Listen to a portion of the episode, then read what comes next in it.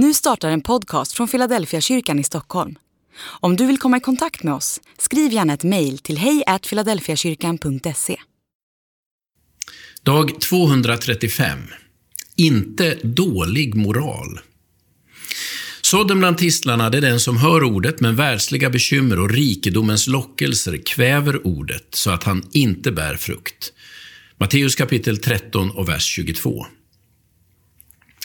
Det är framförallt två sorts ogräs som Jesus varnar för.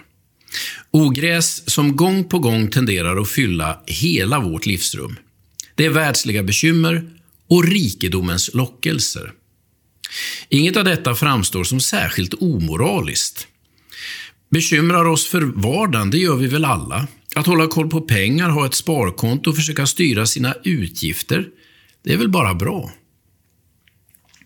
Det hade varit något annat om Jesus hade talat om stöld, ljugeri, otrohet, falskhet och annat som vi ska hålla, hålla oss borta ifrån.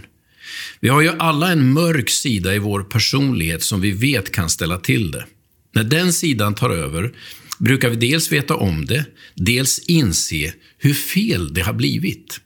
Vi har alla något inom oss som Bibeln kallar för köttet. Det som bäst kan beskrivas som en mörk och destruktiv drivkraft. Men det är inte köttet Jesus talar om här. Det handlar inte om våra destruktiva och självförstörande tendenser.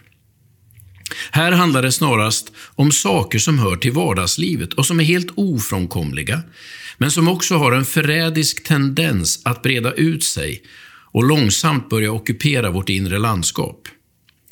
Det är sällan någon konst att skilja det som är bra från det som är dåligt.